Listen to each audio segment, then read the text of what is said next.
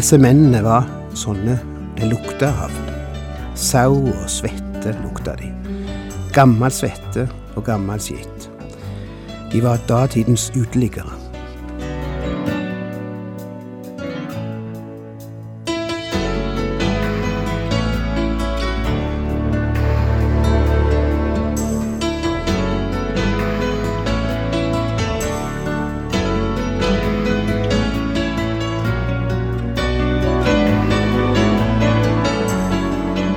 Hjertelig velkommen til et nytt program i serien Vindu mot livet. Vindu mot livet er basert på programserien Insight for Living ved Chuck Svindal. Programmet er produsert av Kristen Riksradio og blir ledet av Ola Bjoland.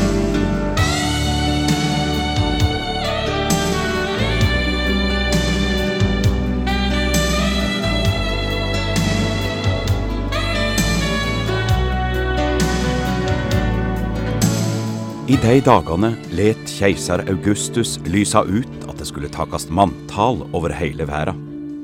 Dette var første gangen de tok manntall, og det hendte medan Kvirinius var landshovding i Syria. Da for alle heim, hver til sin by, og skulle skrive seg i manntallet. Josef òg for fra byen Nasaret i Galilea opp til Judea, til Davidsbyen som heter Betlehem for han høyde til Davids hus og ett, og skulle skrive seg der. Maria, festarmøya hans, var med han. Hun venta da barn. Og medan de var der, kom tida da hun skulle føa. Hun fikk sønnen sin, den førstefødde, hun sveipte han og la han i ei krybbe, for det var ikke rom åt dei i herberget.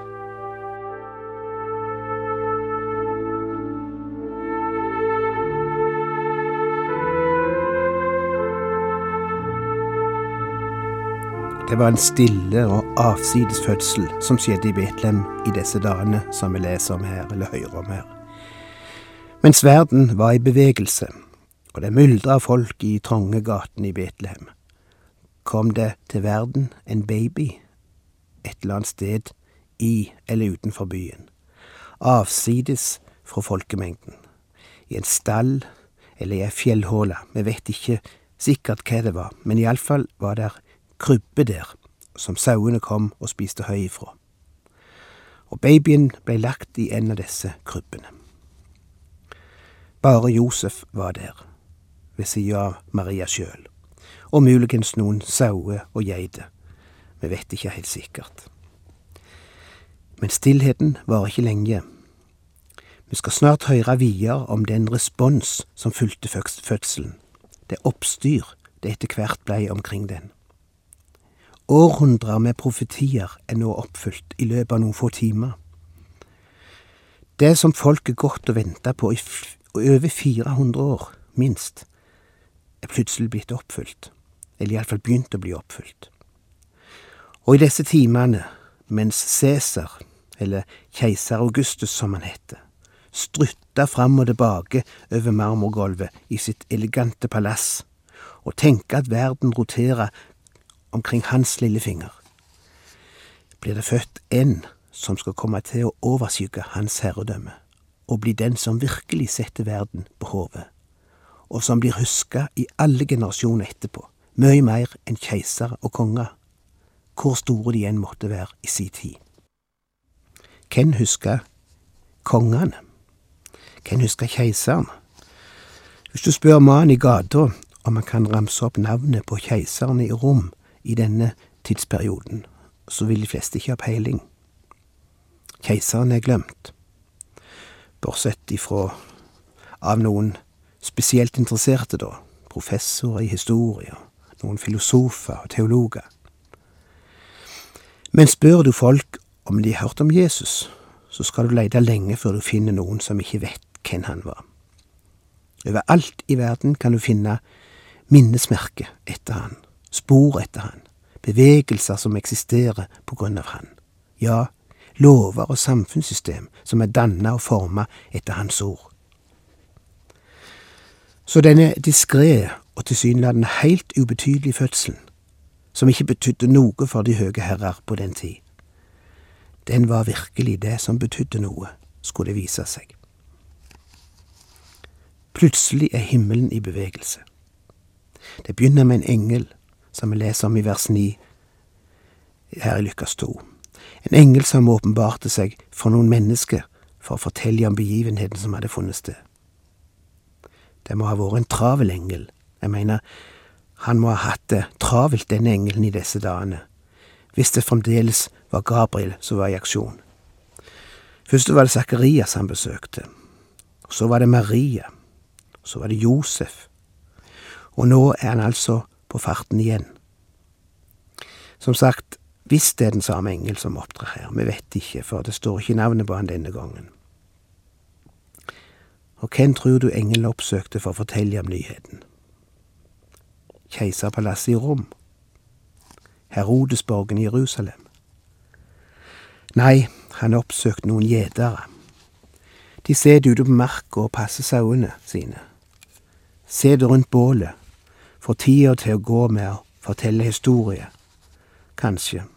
Gjeterhistorier. Akkurat som vi laksefiskere sitter med elvekanten og forteller fiskehistorier. Hun går aldri tom for fiskehistorier, ser du.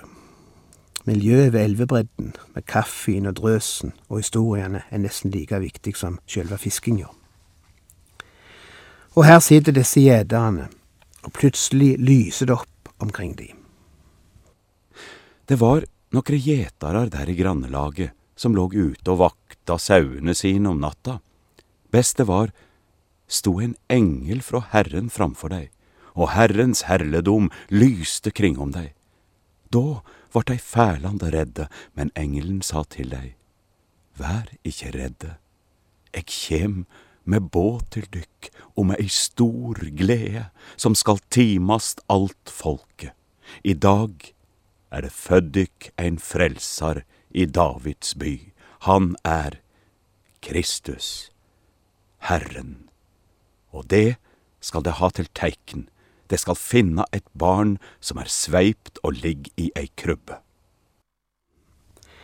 I tilfelle det skulle være født flere babyer i Betlehem denne, denne natta, og det kan godt tenkes at det var, så får de altså et tegn så de kan vite hvilken det er de snakker om. At denne babyen er ikke til å ta feil av. Han ligger nemlig og sover i ei krybbe, i et mattrau for dyra. Det skulle være ganske klart og umiskjennelig signalement. Brått var det en stor himmel her, sa man med engelen. Dei lova Gud og kva, ære være Gud i det høgste, og fred på jorda blant menneske som Gud har hogna i. Hvor mange engler det har vært, aner vi ikke. En himmelsk hersker, hvor mange er det? 50? 100? 1000? 10 000? Vi vet ikke. Kanskje skåningen utenfor Betlehembyen var kledd av et hav av engler.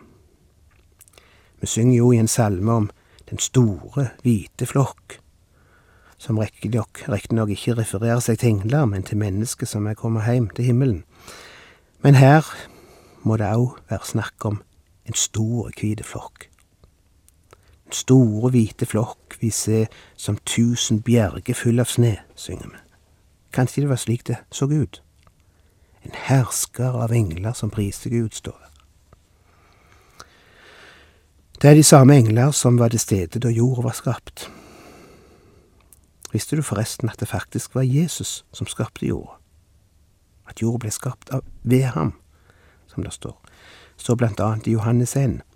I begynnelsen var Ordet og ordet var hos Gud, og ordet var Gud. Han var i begynnelsen hos Gud. Alt er blitt til ved ham, og uten ham er ikke noe blitt til av alt som er blitt til. Og seinere står det, og ordet ble menneske og tok bolig blant oss, og vi så hans herlighet. Nå er englene der igjen og det skulle bare mangle, hadde jeg mest sagt. Og de helse og ære Han som de er helst og ært Han ifra jordens begynnelse. da Gud gjennom sitt ord, gjennom sin sønn, skapte verden. Da var englene der og lovpriste hans verk. Nå går den samme sønn, Guds sønn, inn i verden han en gang skapte. Og engleherrene er der igjen og akkompagnerer det hele. Det er derfor det står videre i Johannes evangeliet i kapittel 1 at han kom til sitt eget, men hans egne tok ikke imot ham. Det var egentlig ikke en fremmende verden Jesus kom inn i. Det var hans egen verden. Det var han som sjøl hadde vært med på å skape den og forme den. Han kjente igjen dalene og fjellene og elvene og sjøene og bekkene han hadde skapt. Og han kjente igjen menneskene han hadde skapt. Men de kjente ikke han igjen. Hans egne tok ikke imot ham. Men det var noen som tok imot han umiddelbart. Det var noen gjedere. Og gjeterne kan vi godt si var datidens uteliggere. De var uteliggere, bokstavelig talt. Gikk ute hele dagen og lå ute om netten. Og sosialt sett var de vel òg nesten på nivå med dagens uteliggere. Jeg mener, det var iallfall ikke noe status å være gjeter. Sjøl om sjølveste David var gjeter, han som seinere ble konge, så var en gjeter en gjeter. Og det var vel derfor David overhodet ikke kom i betraktning da det skulle velges en konge blant en av Jesse sine sønner. Han stilte sønnene sine opp på rekke og rad, men David var ikke der. Han var bare en gjeter, han kom ikke i betraktning, trodde faren. Det sier litt om den status en gjeter hadde. Gjederne hadde ikke et liv som noen av oss ville misunne. Dag etter dag og natt etter natt der ute i markene, noen langt ute i villmarken, måned etter måned. De så sine sauer døy av tørst til sine tider, eller bli revet i stykker av villdyr. Og av og til blei de sjøl det. Og sjakalene og hyenene og gribbene forsynte seg av levningene, hvis de da ikke fikk gravd de ned i den trykkende heten. Det meste av året slåss de mot tørken og mot heten, og stirra hver dag opp imot himmelen i håp om å sjå skyer som trekte seg sammen, og de kostbare og livgivende dråpene komme ned, slik at gresset igjen kunne gro, og livet igjen kunne komme tilbake, og de kunne drikke seg utørste og vaske seg reine. For én ting kan du være sikker på, disse mennene var slike det lukta av. Sau og svette lukta de kan du være ganske sikker på. Du går ikke i ørkenen i månedsvis og ligger ute om nettene med minimal tilgang på vann og med 30-40 grader sete uten lukt av svette etter ei stund. Gammel svette og gammel skit.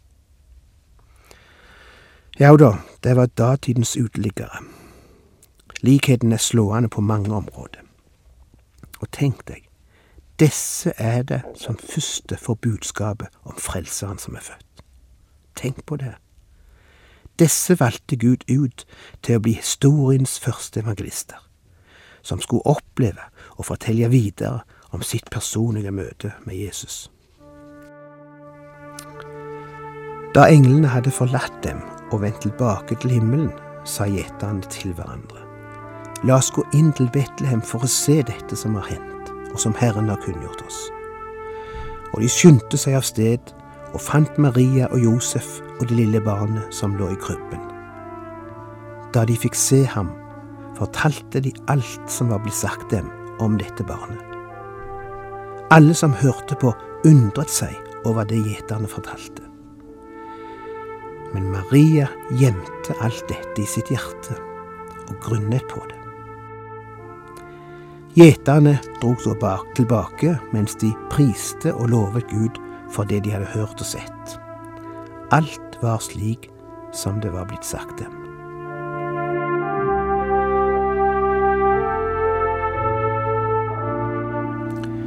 Hvis disse fyrene hadde hatt flotte titler og fine eksamener, høye posisjoner, så hadde de antagelig sagt vent litt, hva er dette for noe lureri?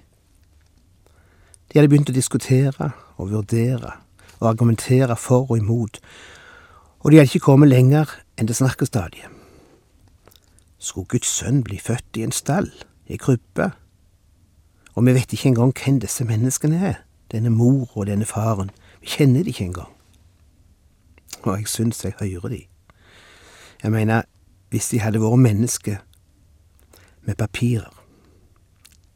Men disse guttene har ingen papirer.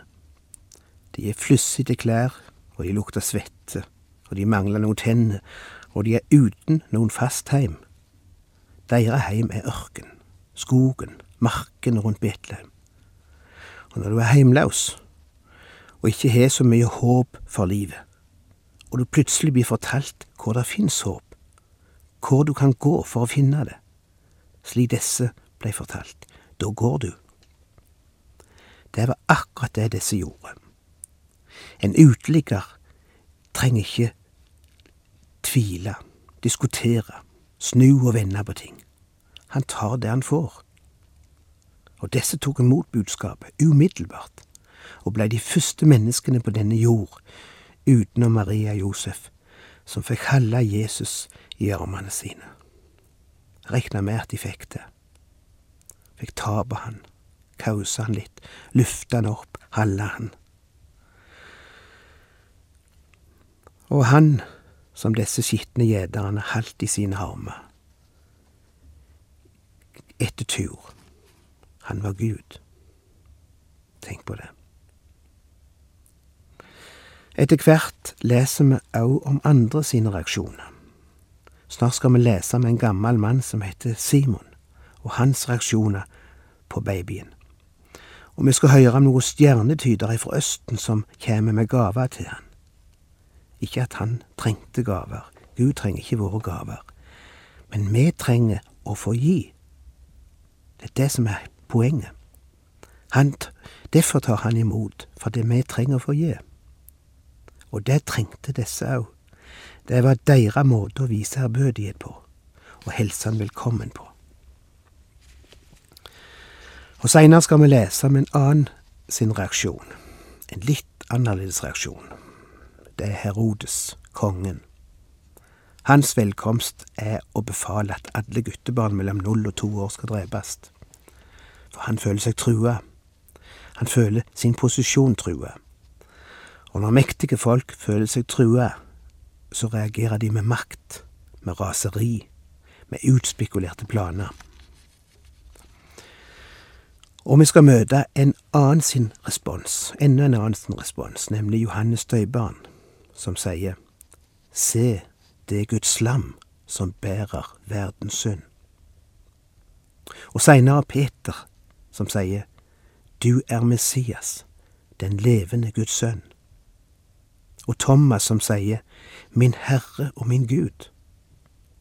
Og Johannes apostelen som sier Full av nåde og sannhet. Og så er du fariseeren som sier La oss drepe han. Og Pilatus som sier Jeg finner ingen skyld hos han. Og de romerske vaktene rundt graven sier Sannelig, han var Guds sønn. Og Saulus for Tarsus som sier Hvem er du, Herre? Mange, mange forskjellige oppfattelser av han, og holdninger til han, og stillingtagener til han. Og da blir spørsmålet, hva sier du om han? Hør hva den verdensberømte forfatteren C.S. Lewis sier om han, eller sier om folks oppfattelse av han. Det dummeste folk kan si om Jesus, er det jeg oftest hører. Han var et stort menneske, en stor moralsk lærer, et flott ideal. Men jeg kan ikke godta at han er Guds sønn. Jeg beundrer ham, beundrer mye av det han sto for og gjorde, mye vi kan lære av ham, men jeg tilber ham ikke. Han er ingen gud. Han er et stort menneske, kanskje det største som har levd men det er alt.